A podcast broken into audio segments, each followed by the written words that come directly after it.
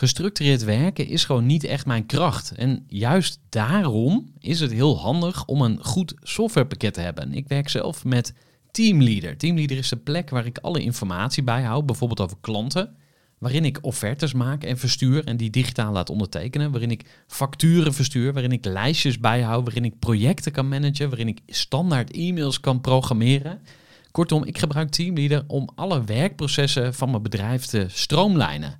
En zeker ook als je met een team werkt, is het heel fijn om over dezelfde informatie te beschikken.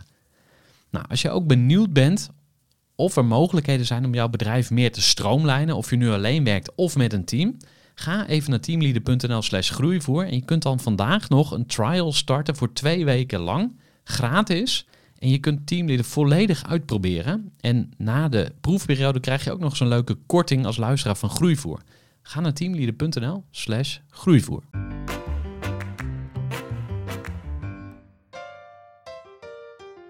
Welkom bij de Groeivoer podcast. Mijn naam is Gerard Tevelde en in deze aflevering van de Groeivoer podcast ga ik in gesprek met Jasper Borgdorf.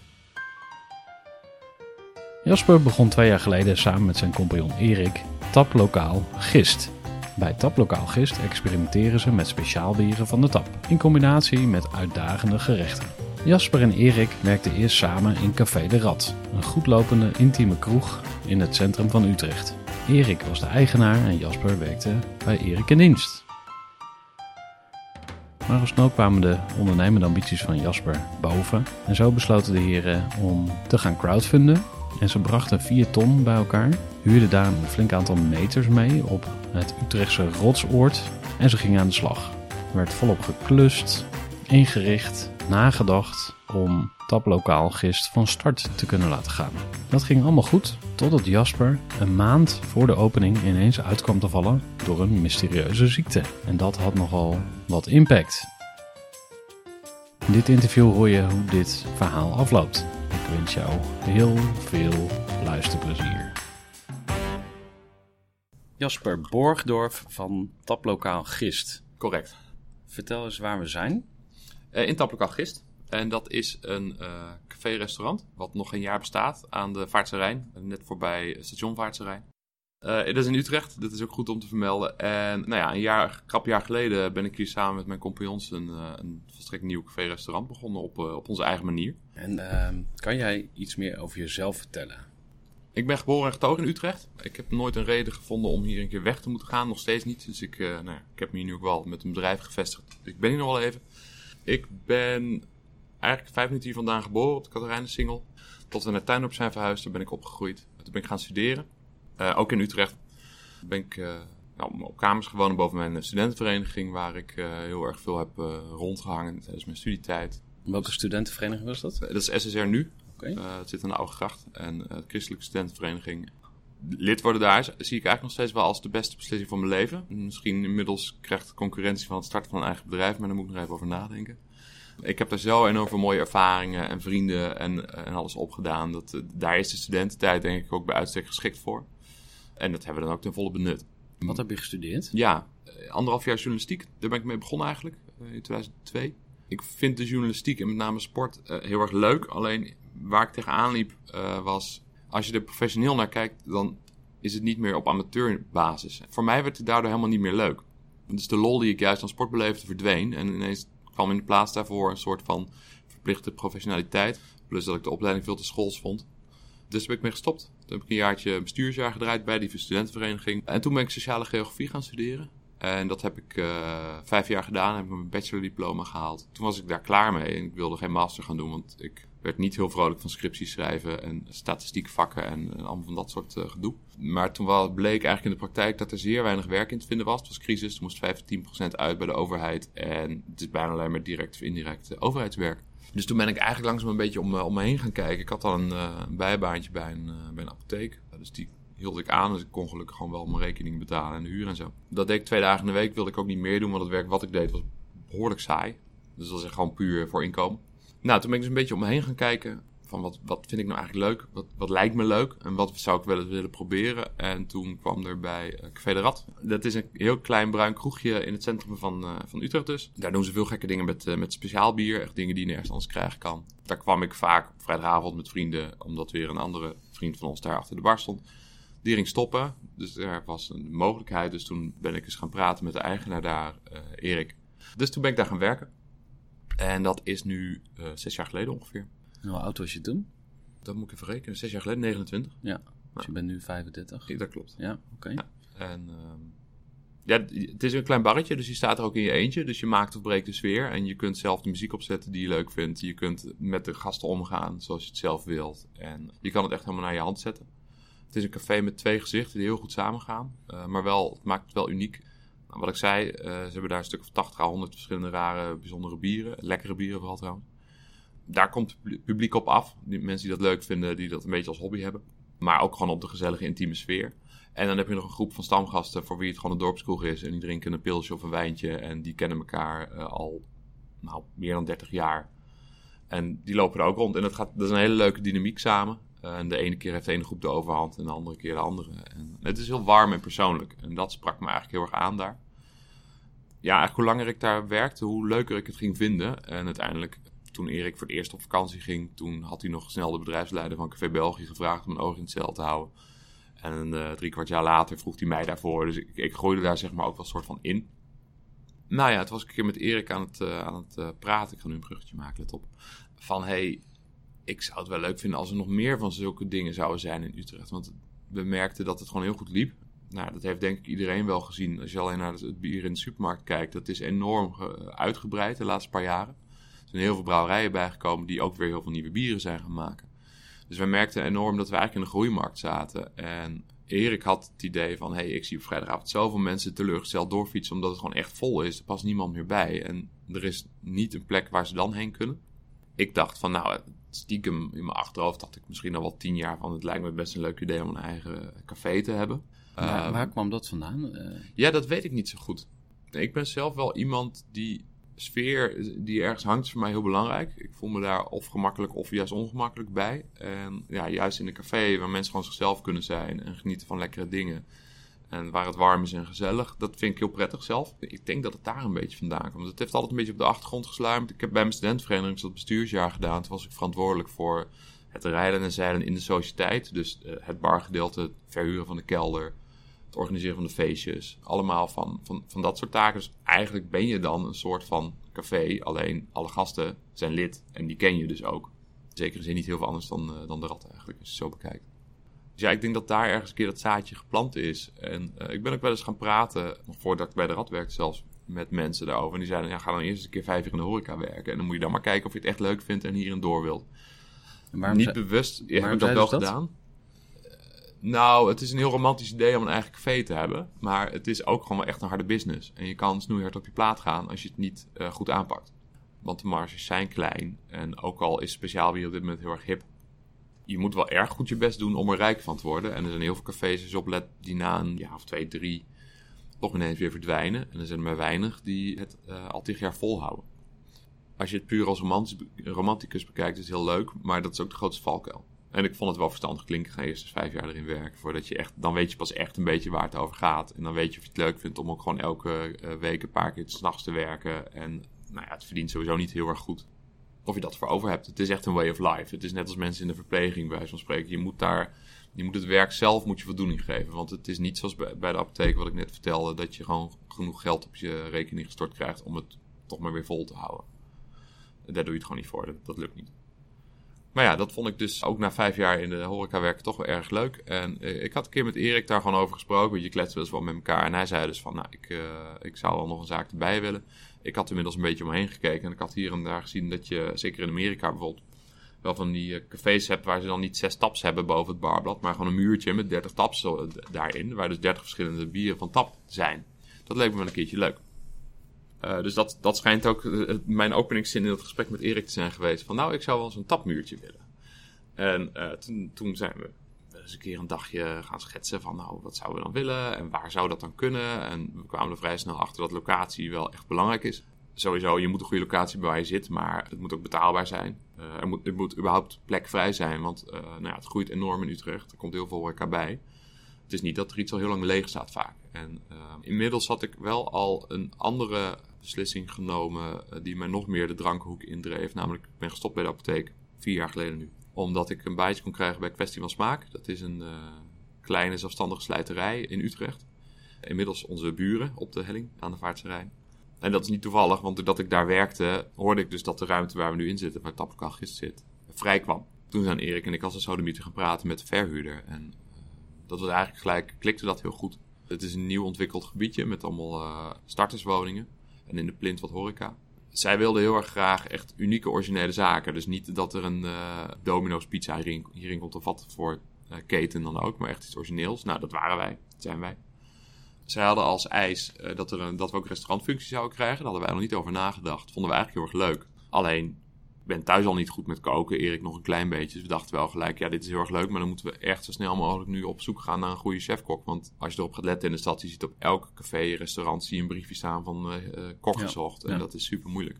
Daar zijn we eigenlijk direct achteraan gegaan. Een vriendin van ons gebeld. Tenminste, iemand die we uit de horeca kennen. Die zei, nou, ik heb net een nieuwe toffe baan, maar je moet Manon bellen. Wij hebben Manon gebeld. We dachten, die kennen we niet. Net kwam ze binnenlopen, toen dacht ik, oh, maar jij hebt vaak aan de bar gezeten. En Erik dacht hetzelfde. Jullie kenden haar al eigenlijk? Ja, niet heel goed. Maar we wisten van elkaar wie we waren. En nou, we hebben het aan haar voorgelegd. Daar komt Erik aan gefietst. En ze vond het gelijk ook helemaal leuk. Ze was op dat moment bezig met uh, de keuken van Sier opzetten. Of eigenlijk liep het inmiddels wel en was dat een soort van afgerond project voor haar. Is dat een bijzonder restaurant? Ja, dat is een uh, restaurant wat is opgezet om Syrische vluchtelingen aan werk te helpen. En dus de keuken is ook een beetje, in ieder geval qua gerechten Syrisch. Maar goed, daar heeft zij dus de keuken voor opgezet. Ze heeft wel meer ervaring uh, gehad met, uh, met dat soort dingen. Inmiddels is jouw uh, compagnon Erik binnengekomen. Die staat nu lekker bakje koffie voor ons te maken. Zeker. En Erik was dus de eigenaar. Erik is de eigenaar, de eigenaar van, Café de van Café de Rad. Maar hij is dus ook mede-eigenaar nu hier van Gist. Klopt. Ja, Erik en ik zitten er eigenlijk 50-50 in. We hebben met Manon, ja, die dus nu als chefkok onze keuken runt, afgesproken dat zij wel uh, op termijn ook voor een deel uh, nou, aandeelhouder wordt feitelijk in een BV. Mag zich inkopen dan? Ja, uh, we hebben op de achtergrond van een klein deel nog een soort van stille vennoot. dat is iemand die echt al tientallen jaren zich bezighoudt met bedrijven en oprichten. Dus die helpt ons met de bedrijfsmatige kant mee. Want dat is niet ons sterkste punt. Tenminste, -hmm. ja, voor mij is het allemaal nieuw. En Erik heeft natuurlijk wel wat ervaring vanuit de rad. Maar dat is uiteindelijk ook maar een relatief klein bedrijf waar hij in zijn eentje eigenaar is. Ja, want Café de Rat is een kleine kroeg. Ja, dat is dus... 35 vierkante meter. Dat ja. is de minimum uh, eisen van de overheid hoe groot de kroeg moet zijn. En dan wordt ja. er al gesmokkeld. En, en hoe groot is dit? Uh, dit is om en nabij de... 200 uh, Ja, 250 zelfs volgens mij. Omdat we, ja. waar we nu zitten, zitten we boven. Dus we hebben een, een deels dubbele verdieping. Ja. Dus het is, het is, echt een stuk groter. Ja, ja. Dat is ook een andere manier om een bedrijf te runnen. Ja. De kosten zijn hoger. Je moet personeel aannemen. Je hebt huur, kosten voor de lange termijn. Het zijn aardig wat meters, dus je moet het... Ja, nou eerlijk gezegd, een van de redenen waarom we direct ja hebben gezegd, omdat de huur uh, behoorlijk schappelijk is hier. Wat echt uniek is in, in, in, in Utrecht. En wat is daar de reden van? Waarom is het schappelijk? Omdat onze huisbaas een dochteronderneming van de SSH is. Zij zijn opgericht met als doel starterswoningen realiseren. De SSH, dat is studenten? Stichting, Stichting Studentenhuisvesting uh, Utrecht. Oké, okay, ja ja, dus uiteindelijk moeten zij daar weer. Het, het, idee van de oprichting van het bedrijf is dat mensen eerder uit de studentenkamer kunnen, omdat er de starterswoningen worden gerealiseerd. Want het is nogal een woningnoodprobleem voor studenten in Utrecht. Alleen dat is een stichting, die mogen geen winst maken. Ja, en dat is dus niet 3000 euro per vierkante meter. Toen kwamen we natuurlijk eigenlijk op het punt stop or go. Want als we dat wilden gaan doen, nou, dan moesten we geld binnen gaan halen. Aha, en hoe heb je dat aangepakt? Ja, nou ja, dus we hebben toen wel voor onszelf heel erg bedacht van, nou ja, dit gaan we doen of niet op een gegeven moment was dat wel duidelijk. Want we hadden in principe nou, best wel dingen in de stijger staan. En we hadden een chefkok. We hadden een, uh, een, ruimte en we hadden de ideeën inmiddels ook wel op papier staan. Die zal ik zo nog wel wat, uh, wat toelichten. En toen hebben we gewoon gezegd, we gaan het gewoon doen. En toen zijn we naar uh, de Malibaan gelopen, waar Crowdabout Now zit. Een crowdfunding platform. En daar zijn we mee in gesprek gegaan. Crowdabout Now? Ja, het zit, nou ja, het zit dus in Utrecht, maar misschien wel belangrijker. Zij hadden redelijk wat ervaring met het crowdfunden van, van horeca of andere drankgerelateerde zaken. Bijvoorbeeld Oedipus, een brouwerij in Amsterdam, hadden zij gedaan. En daardoor kennen we ze al een heel klein beetje, niet persoonlijk, maar wel als bedrijf. En we wisten wel waar hun, hun kwaliteiten liggen. Er zit best wel verschil in verschillende crowdfunding platforms. De ene is gewoon echt puur zakelijk, uh, willen zo hoog mogelijk rendement halen. En de andere zijn veel meer op de goodwill, het scheppen van een, het creëren van een community, dus mensen om je heen. En dat laatste is voor de horeca belangrijk, want uh, iedereen die bij ons heeft geïnvesteerd, is niet alleen investeerder, maar het zijn ook je eerste stamgasten. En omdat wij dus in een nieuw kaal betonnen gebouw zijn gaan zitten, waar nog helemaal niks was, is het heel belangrijk dat er direct genoeg mensen over de vloer komen. Dus wij naar Crowd About Now, we hadden het al even uitgerekend, dat we, we wel in overleg gedaan met hun overigens ook, maar we wilden graag twee ton ophalen. Dat is best wel veel geld. De reden waarom we zoveel geld wilden halen, we hebben overigens die twee ton gehaald. Uh, vrij makkelijk zelfs, gelukkig. We hebben daarnaast nog wat eigen inleg en een deel van de Rabobank. Dus twee ton is grofweg de helft van het bedrag. Waarom we dat allemaal wilden was, wat, wat we heel erg graag niet wilden doen, was een hand geven aan AB InBev of Grols of een van de grote brouwers. Waarmee je soort van je ziel aan de duivel verkoopt. Ik overdrijf dit soort dingen natuurlijk heel graag. Maar het is wel een beetje waar dat soort bedrijven zijn fantastisch om te helpen met de inrichting en de opbouw van je zaak. Want niks is te gek. Ze helpen overal mee. Ze hebben ook expertise in huis. Ik bedoel, die kunnen gewoon hele mooie barren bouwen. Ze hebben natuurlijk alle spullen in huis daarvoor. Dus het, maakt het leven van een startende horecaondernemer een stuk makkelijker. Hm. Alleen, het maakt het leven van een horecaondernemer die twee, drie jaar geleden gestart is een stuk moeilijker. Want er staat in je contract dat je zelfs het ketchup bij hun af moet gaan nemen. Hmm. En die is twee keer zo duur als dat je het zelf in de winkel zou gaan kopen. Dus hij, ze, investeren met liefde tonnen. Ze verdienen het ook weer met liefde aan je terug. En uh, nou, dat is, dat is een deal, hè, dat is eerlijk. Maar wij wilden het heel graag niet. Omdat wij per se zelf wilden bepalen uh, wat op onze 30 taps komt. En we willen dat steeds veranderen. En ja, qua bieren, maar zeker ook qua, qua wijnen en whiskies en, en, en de keuken uh, wilden we gewoon onafhankelijk zijn. dat, dat was eigenlijk voor ons misschien wel het allerbelangrijkste punt. We willen echt een 100% onafhankelijke uh, horecagelegenheid creëren. Ja, en dan ga je dus uh, crowdfunden. Hoe heb je dat aangepakt? Kan je er iets meer over vertellen? Even een korte onderbreking met een belangrijke vraag aan jou. Want wat heb jij geregeld voor het geval je van de ene op de andere dag zou komen uit te vallen? Wat gebeurt er dan met je bedrijf, maar vooral wat gebeurt er met jou persoonlijk en ook in financieel opzicht? Samen met ASR voerde ik drie openhartige gesprekken over tegenslag en veerkracht. En dat deed ik met Saskia, Vincent en Pieter. Ondernemers met een bloeiend bedrijf die van de ene op de andere dag niet meer konden werken. En die verhalen hoor je in aflevering 256, 257 en 258 van deze podcast. Als ondernemer wil je natuurlijk niet uitvallen. En daarom is het belangrijk dat je veerkrachtig bent, want voorkomen is beter dan genezen. En als het dan toch misgaat, is het fijn dat je iets geregeld hebt, zodat je weer snel door kunt met ondernemen. Wil je weten hoe veerkrachtig jij nu bent? Vul dan in twee minuten de veerkrachttest van ASR in. Ga naar asr.nl slash veerkrachttest ondernemers. Je wordt er best wel goed in begeleid door, in ons geval Crowdabout Now. Zij splitsen het een beetje op in drie fases. Je hebt de mensen die echt dicht om je heen staan. Je goede vrienden, familie. En die zijn meestal natuurlijk iedereen's uh, persoonlijke situatie is anders financieel, maar die zijn meestal altijd bereid om echt wel relatief uh, behoorlijke bedragen te investeren. Je kunt die mensen al een beetje uh, instrueren. Op een gegeven moment heb je een startdatum waarop de crowdfunding start. En eigenlijk wil je altijd een kickstart hebben. Je wil dat je gelijk kan zeggen, wauw, binnen een dag hebben we al ja. 35% of zo bereikt. 35 is wel erg veel misschien, maar wel een beetje die orde van grootte. Dan heb je de tweede ring, dat zijn kennissen die wel een beetje op afstand misschien via Facebook al volgen waar je mee bezig bent. Mensen met wie je wel eens een keer in de kroeg hebt gepraat, maar je niet uitnodigt op je verjaardag, zeg maar. Die ring ga je daarna bereiken. En dan heb je daarna nog de derde ring. En dat zijn verslagen onbekenden die blijkbaar wel hebben gehoord van jouw project. Misschien toevallig op Crowdabout Now keken en eh, dan dacht, hé, hey, dit vind ik wel leuk.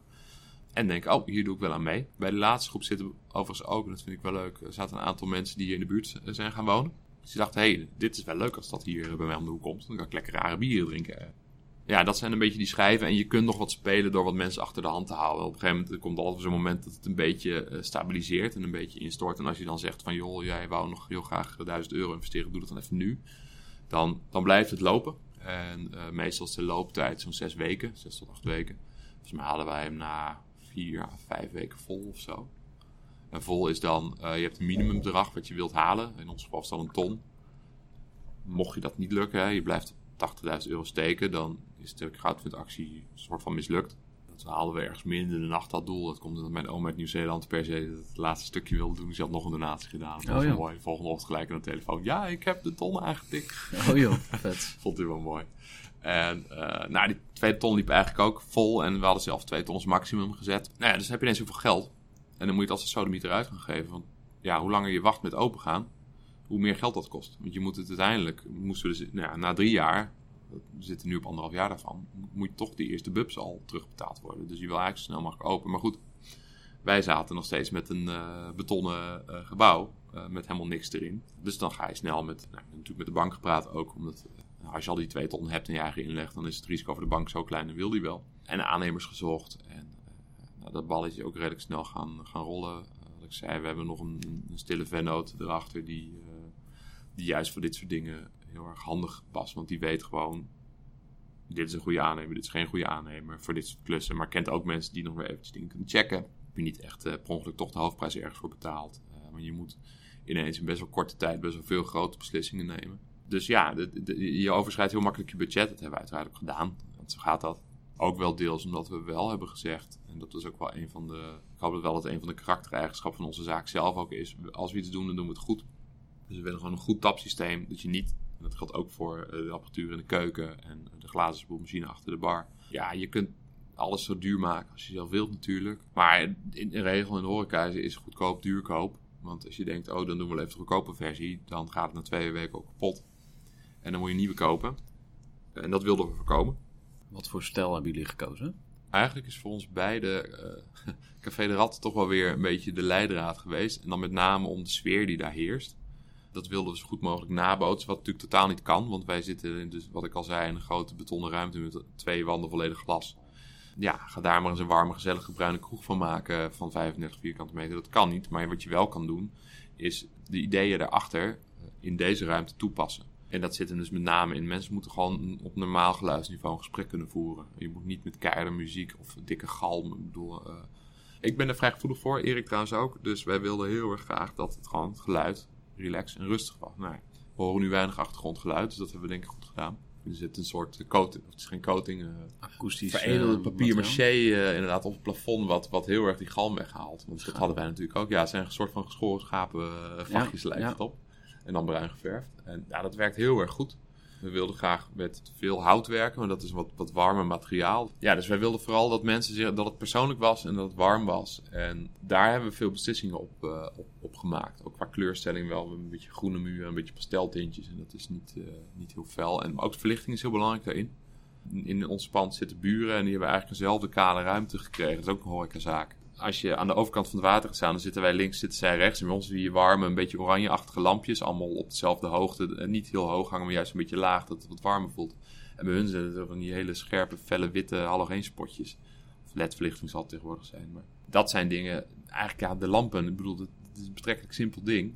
Het maakt of breekt wel heel erg je sfeer. En die sfeer is iets geks, want mensen denken er niet bewust over na, maar ze ervaren het wel heel veel van dat soort dingetjes kun je, als je het bij elkaar optelt, best wel invloed op hoe ervaren mensen mijn zaak. Nou, dat wilden wij dus heel erg graag. Dus los van die onafhankelijkheid uh, die ik net al benoemde, uh, wilden we ook gewoon mensen zich thuis voelen eigenlijk. Nou, dat sluit denk ik ook wel aan bij waarom ik ooit een horecazaak wilde starten. Het is dat of niet. Het geldt voor ons allebei. Ja. Dus je hebt het volledig naar je eigen hand gezet. Ja. Ja, ja uh, binnen die verstanden dat veel ideeën komen natuurlijk bij de architect vandaan. Soms wil Erik iets heel graag, soms willen we iets heel graag, maar dan kan dat praktisch gezien weer niet. Dus het is altijd een beetje schipperen. Maar van grote lijn zeker.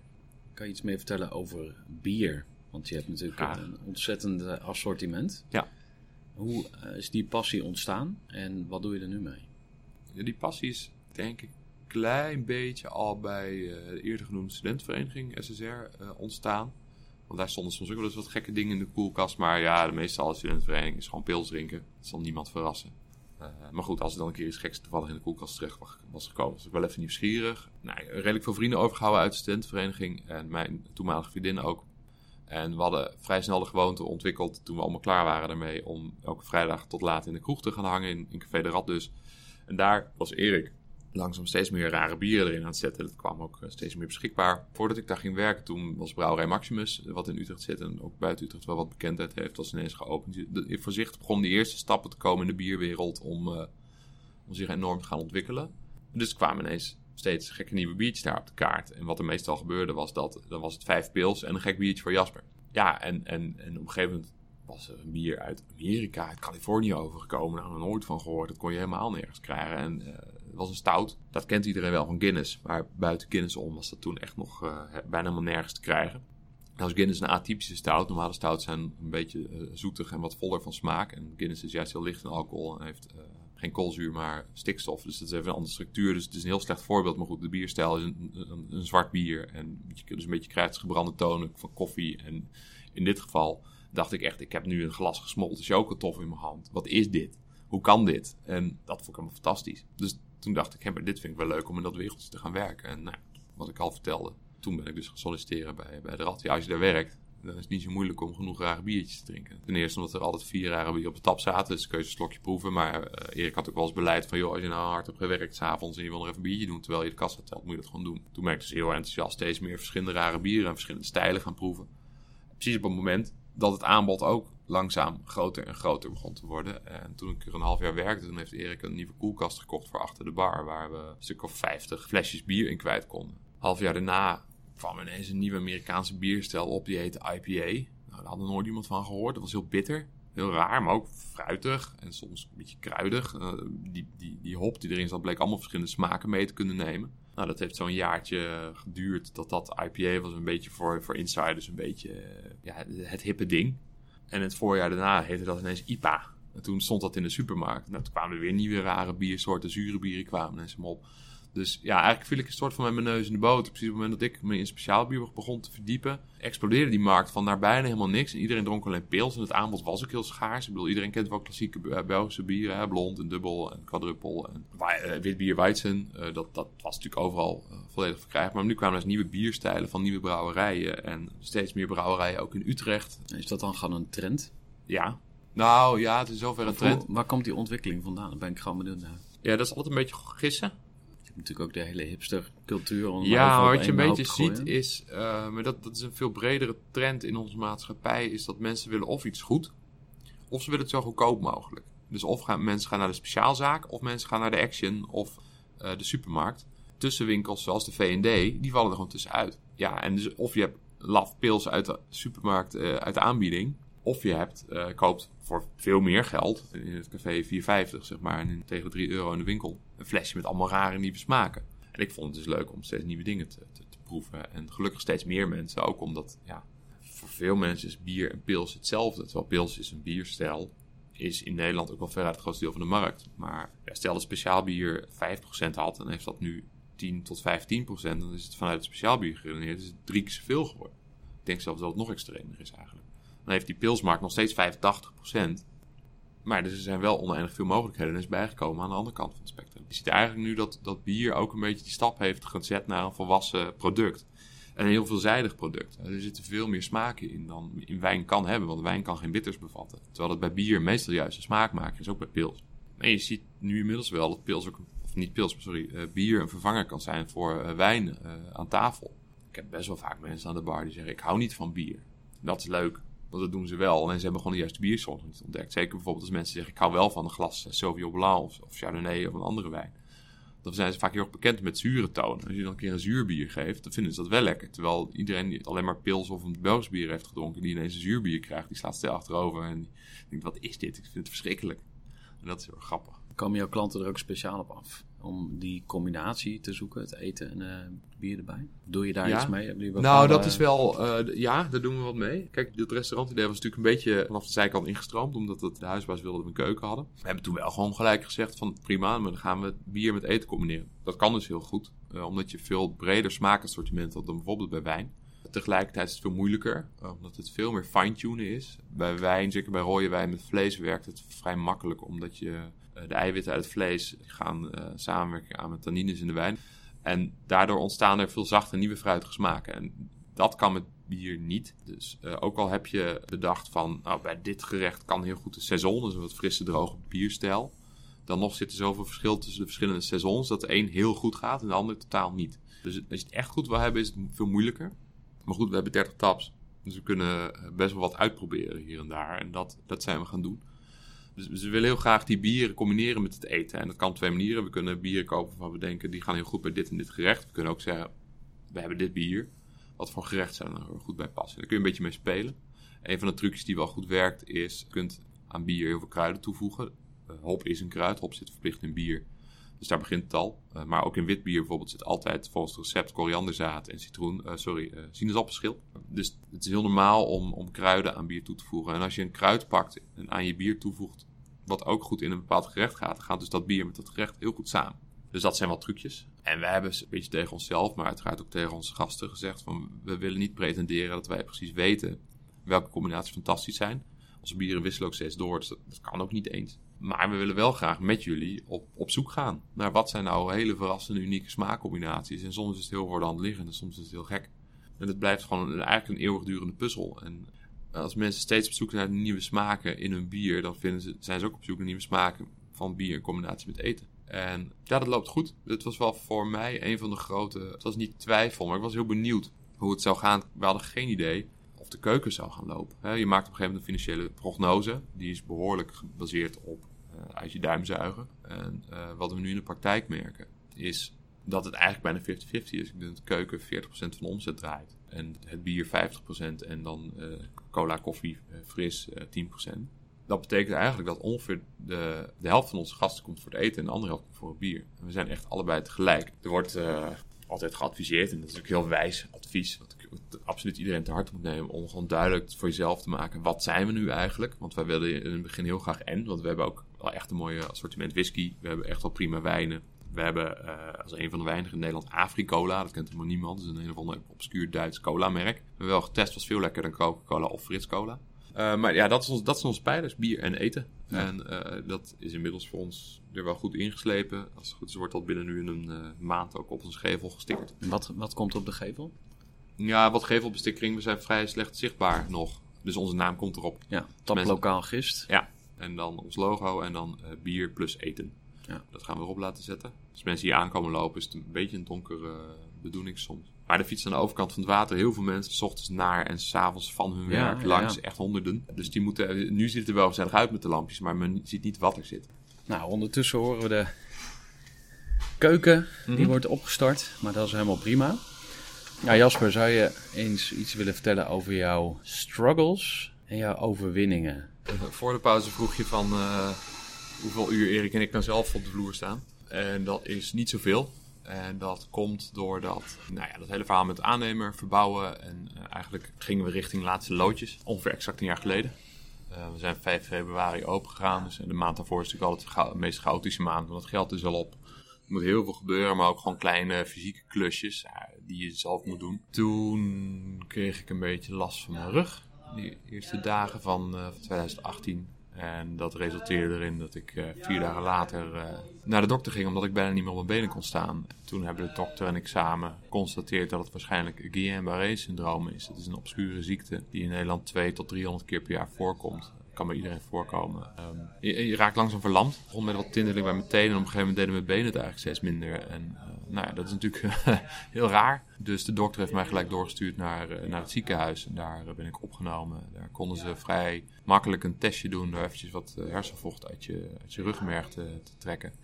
Niet zo heel prettig, maar wel functioneel. Want binnen een uur wisten we dat ik inderdaad Guillain-Barré-syndroom heb. Dan heb je in ieder geval een goede diagnose. Alleen, dit is een ziekte waar je zomaar een jaar mee bezig bent. Ja, dus ik ben in een ziekenhuisbed beland uh, met, mijn, uh, met mijn arm aan een infuus. Zes dagen lang heb ik een kuur gekregen met auto-immuunstof. Om maar te zorgen dat die verlamming die optrekt uh, stopt. Het is heel raar, want de eerste dag toen ik in het ziekenhuis lag, toen kon ik nog wel met een arm om mijn vriendin heen een metertje of 50, 60 over de gang daar lopen. En dan was ik wel weer moe. Een dag later haalde ik het eind van de, van de kamer net. En weer een dag later dacht ik, ik loop nog zelf met een rekkie naar de wc en dat lukte niet meer. Uh, dus ineens ben je gewoon, doen je benen het niet. Dus ik uiteindelijk twee weken het ziekenhuis gelegen en toen naar de revalidatiekliniek uh, gestuurd. En daar heb, ik, uh, daar heb ik nog drie maanden verbleven. Dus ik ben, ik ben drieënhalf maand van huis geweest. En half april ontslagen uit de interne van, van, van de van de Hoogstraat van de Revalidatiekliniek. En daar daarna nog drie maanden wel in de dagbehandeling gezeten. Dat betekent dat je twee keer in de week daarheen gaat voor uh, fysiotherapeut, uh, zwemmen, ergotherapeut. in ieder geval, het staat mijlenver af van het openen van je eigen café-restaurant. Want voor alle duidelijkheid, je stond dus op het punt om je nieuwe zaak te gaan openen. Ja. En toen kwam je uit te vallen. Ja, ja. een maand voor, ik, voor we open zou gaan, okay, ben ja. ik in het ziekenhuis terechtgekomen. Ja, je kan niks. ik kreeg een paar kleine taakjes en dat is eigenlijk wel fijn. Ik heb uh, online de barkrukken die we hebben uh, besteld. En ik heb uh, eerst de, de whiskylijst die we moeten hebben, heb ik, heb ik besteld. Maar inderdaad, het is absurd dat je, dat je precies een maand daarvoor ineens gewoon volledig uitvalt. En juist in een maand dat het hardst moet gaan knallen. En daarna moet je nog een paar maanden hard gaan knallen, want dan is je zaak net open. Dus, Hoe hebben jullie dat opgevangen? Ik weet het niet. Ik lag in het ziekenhuis. Jij was gewoon Het weg. is heel flauw, maar ik, voor mij was het heel erg makkelijk. Ik lag in het ziekenhuis en ik denk dat ik op dag 2 al bedacht van... joh, wat wil ik nou liever? Wil ik nou liever weer beter worden en dat gist op de fles gaat? Of wil ik dat gist helemaal fantastisch loopt en ik nooit meer loop? En dan is het vrij makkelijk, ik moet gewoon herstellen. En ja. daarna zie ik wel hoe het er hiervoor staat. Nou, zo is het eigenlijk ook wel gegaan. Het is een rare ziekte, want zo snel als het komt, zo traag gaat het weg. Ik was eigenlijk, um, na die zes dagen kuur, was ik behoorlijk stabiel. Dan kan ik nog steeds niet lopen, maar dat is wel belangrijk. Er is, is eerst een stabiele fase en daarna gaat het heel langzaam weer omhoog. En ja, ik kon ook niks. We hebben wel die laatste vier weken, toen ik nog intern zat, zeg maar half maart tot half april. Eén keer in de week kwamen ze, ons managementteam, zeg maar, die, die kwamen dan naar de Hoogstraat. En dan hadden we daar eventjes illegaal een uh, ruimte ge gebruikt om even te vergaderen. Dus dat was eigenlijk wel leuk. Voor mij ook wel om iets meer betrokken te zijn. Ik ben bijvoorbeeld wel op de openingsdag ook hier geweest. Het was maandagochtend, dus het was natuurlijk super rustig en zo. Maar hoe voelde dat? Dat was fijn. Dat was leuk. Want ik wilde er heel erg graag bij zijn.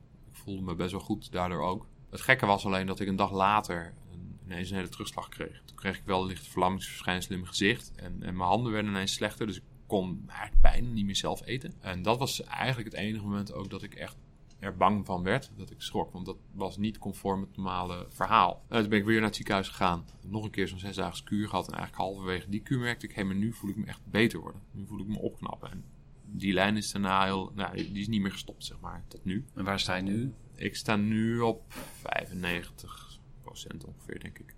Ik heb uh, mijn tenen voelen nog verdoofd aan. Ik wiebel ze nu. Dan voelt het een beetje, ja, je voelt het een beetje te lang uh, met je blote voet in de sneeuw gaat staan. Dan raken ze verdoofd. Een beetje zo'n zo soort gevoel. Het herstel vlak nu ook wat af, dus het gaat wat minder snel. Uh, maar in principe, ik kan gewoon ik kan gewoon weer fietsen, ik kan hele stukken lopen. Want hoe heeft je compagnon het opgevangen?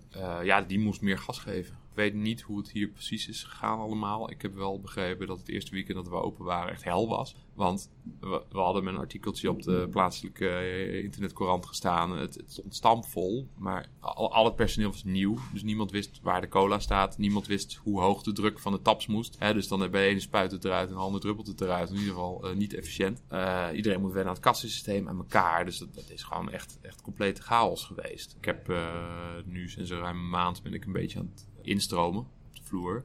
Maar je kan nog niet met een diemlat de trap oplopen. Ik weet ook niet wanneer het wel weer gaat kunnen. Dat, dat bouwt heel langzaam op. Soms merk je eens van, hé, hey, dit kon ik twee weken geleden nog niet en het lukt nu wel. Uh, het heeft ook wel met algehele conditie te maken. Uh, ik ben snel moe. Dat is logisch, want mijn lichaam is nog ergens van aan het herstellen. Dus als ik me dan uitsloof, dan ben ik dubbel moe. Dus je moet je energie erg goed besteden. Ja, ja. ja. Maak je daar bewust keuzes in? Gaat het een beetje op de automatische piloot? Nee, dat gaat wel automatisch. Het is ook weer, weet je, wat moet er gedaan worden, wat is voorhanden. Kijk, ik kan als je mij achter een laptop zit, achter een tafel, ja, dat hou ik wel een dag vol. Dat is natuurlijk fysiek niet zwaar. Ik heb voor de kerst twee keer op donderdag uh, meegeholpen. Stond ik officieel boven tallen, maar het was gewoon heel erg druk. Dus iedereen blij dat ik er was. En ik voelde mezelf daardoor ook uh, nuttig. Maar dan ben ik wel twee dagen uh, gesloopt. Ja. En dat, uh, dat is niet zo erg. Alleen dat is, dat, moet, dat is niet de norm natuurlijk. Nee. Dus dat is afwachten. Ja, dat herstelt ook een beetje. Ik vind dat moeilijk, want je moet wel... het is schipperen. Ik wil ergens ook... Ik heb mezelf nu ook een beetje voorgenomen... toch wel te proberen een beetje mijn conditie op te bouwen. Maar ja, ik moet niet die grens over. Dus die moet de grens een beetje voor je uitduwen zonder eroverheen te gaan. En dat is lastig. Kan het als je zelf een stuk gaat fietsen makkelijker dan als je achter de bar staat. Want als je achter de bar staat, heb je niet voor te zeggen hoe druk het nou eigenlijk precies is. Dus dat is, dat is een beetje hoe, waar, ik, waar ik nu in zit. Hoe lang ben je nu precies ondernemer? Of hoe kijk je daarna? Ja, dat is wel een goede vraag. Uh, nou ja, eigenlijk vanaf het moment, officieel natuurlijk op het moment dat we naar de KVK zijn geweest en die inschrijving hebben gedaan. Ik denk op het moment dat wij het huurcontract hebben getekend, dat het eigenlijk het moment was dat we hebben op de groene knop hebben gedrukt en gezegd we gaan het doen. Nou, dat is alweer bijna twee jaar denk ik. Ja. ja. Ja, zie je bij jezelf een ontwikkeling daarin? Als ondernemer? Ja. Ik voel mezelf nog niet echt ondernemer. Dat is heel gek. Maar wat versta je eronder bijvoorbeeld? Ja, dat is, ja, dat is een goede vraag. Eigenaar zijn van een bedrijf. In ons geval betekent dat ook personeel. Dus dan ben je daarvoor verantwoordelijk. Ja, en het, het is mijn verantwoordelijkheid dat alles gebeurt. Niet alleen de dingen die ik zelf wel of niet doe, maar ook van anderen dat voelt nog steeds een beetje gek en onwezenlijk. Het heeft er ook wel mee te maken dat ik natuurlijk gewoon ineens ben uitgevallen. Dus toen alles hier neer is gezet, daar was ik niet bij. Het voelde ook de eerste keer dat ik hier weer kwam om dingen te doen.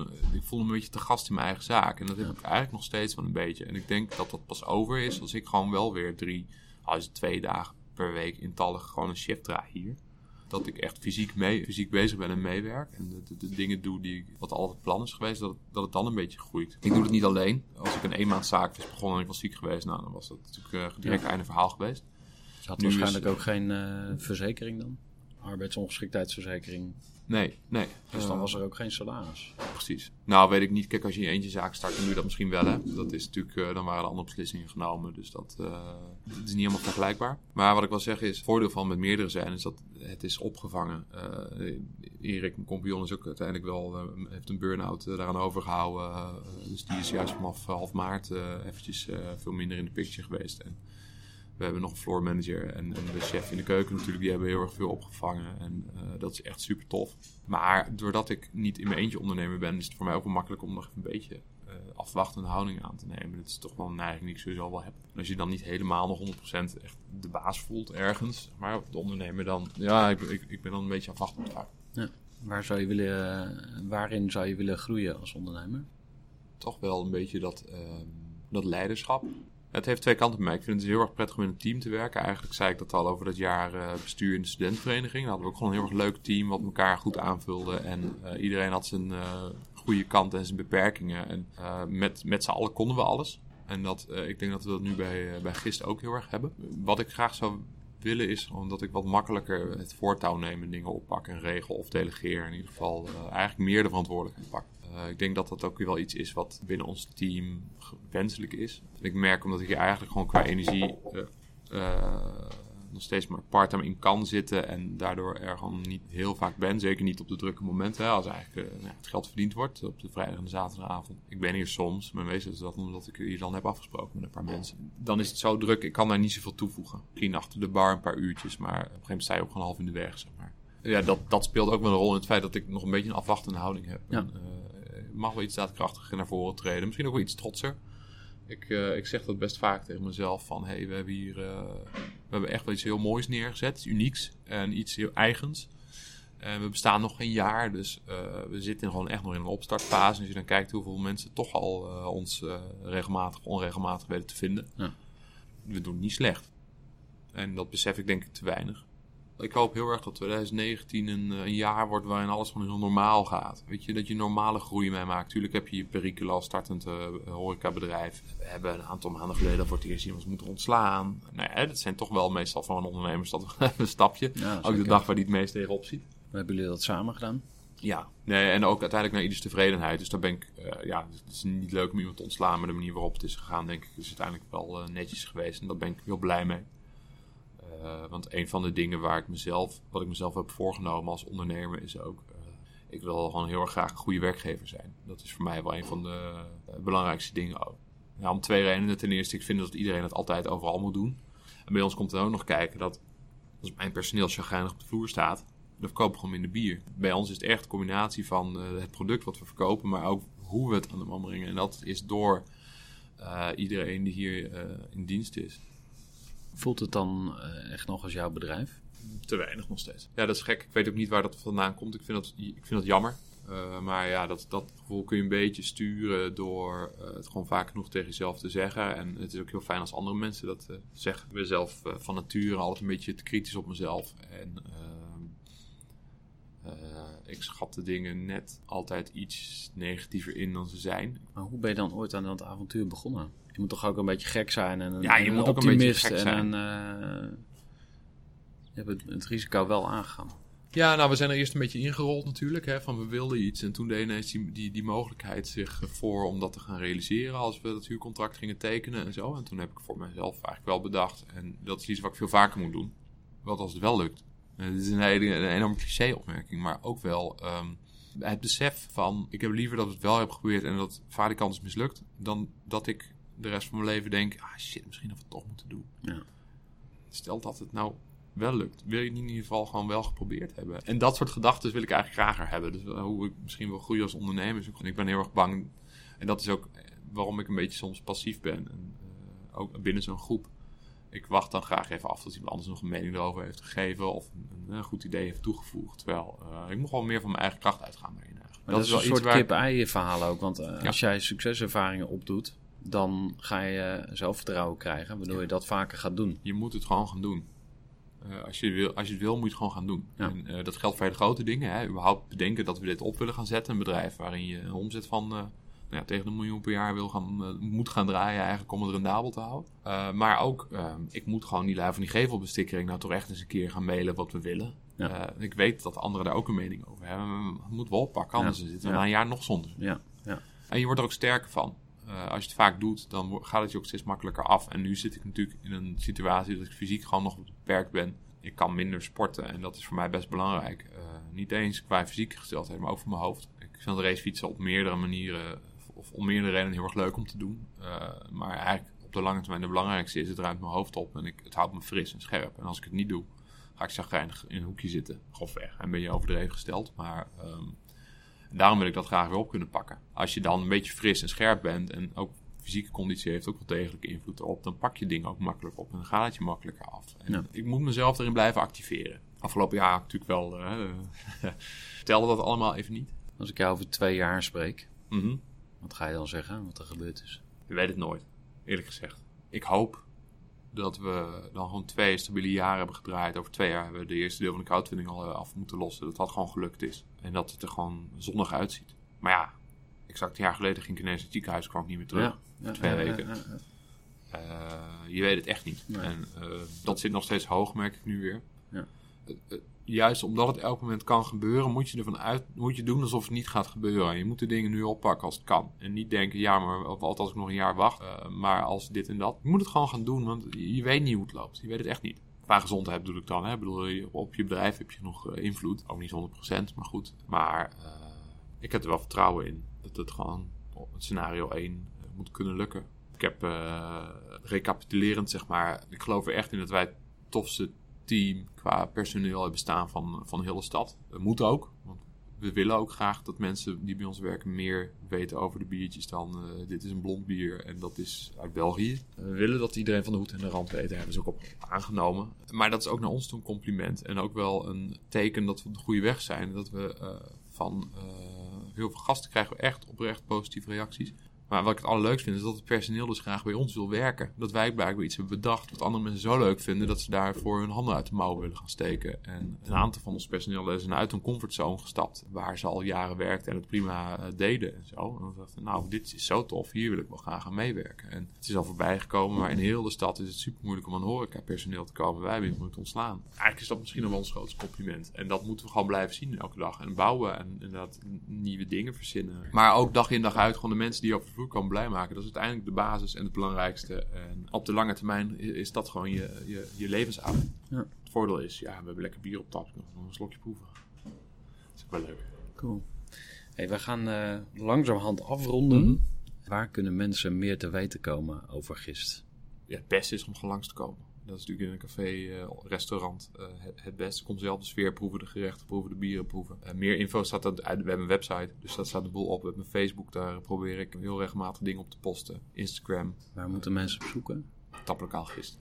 Dus taplokaal gist op Instagram, op Facebook Ja. of taplokaalgist.nl. En mensen kunnen hier ook terecht voor proeverijen, denk ik. We doen proeverijen eh, op aanvraag. We, we organiseren het gewoon af en toe dat je je alleen maar hoeft in te schrijven. Dus dat kan gewoon voor een groepje vrienden, dat kan voor, eh, voor je bedrijf. Het kan in alle soorten en maten gemaakt worden. Eh, het kan het bier doen we veel, maar het kan ook Ja. whisky. Jullie Maakt ook uit. zakelijke groepen hier van bedrijven bijvoorbeeld? Die ik, Ja. ja. Het is natuurlijk een beetje moeilijk uit te leggen hoe het eruit ziet, maar we zitten nu op een soort van, eh, we zitten boven, we hebben een bovenverdieping. En dat is ideaal om gewoon voor groepen eh, Ja. te, te, doen. Cool. Ja.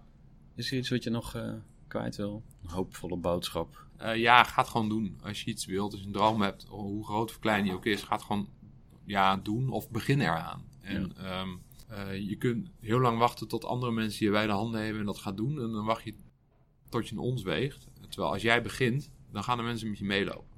Dan gaan mensen je helpen en steunen. En dat is, eh, dat is heel mooi. Super vet. Tot zover dit interview met Jasper Borgdorf. Ik ben heel benieuwd wat je van het interview vond. Als je tips of suggesties hebt, laat het mij vooral weten.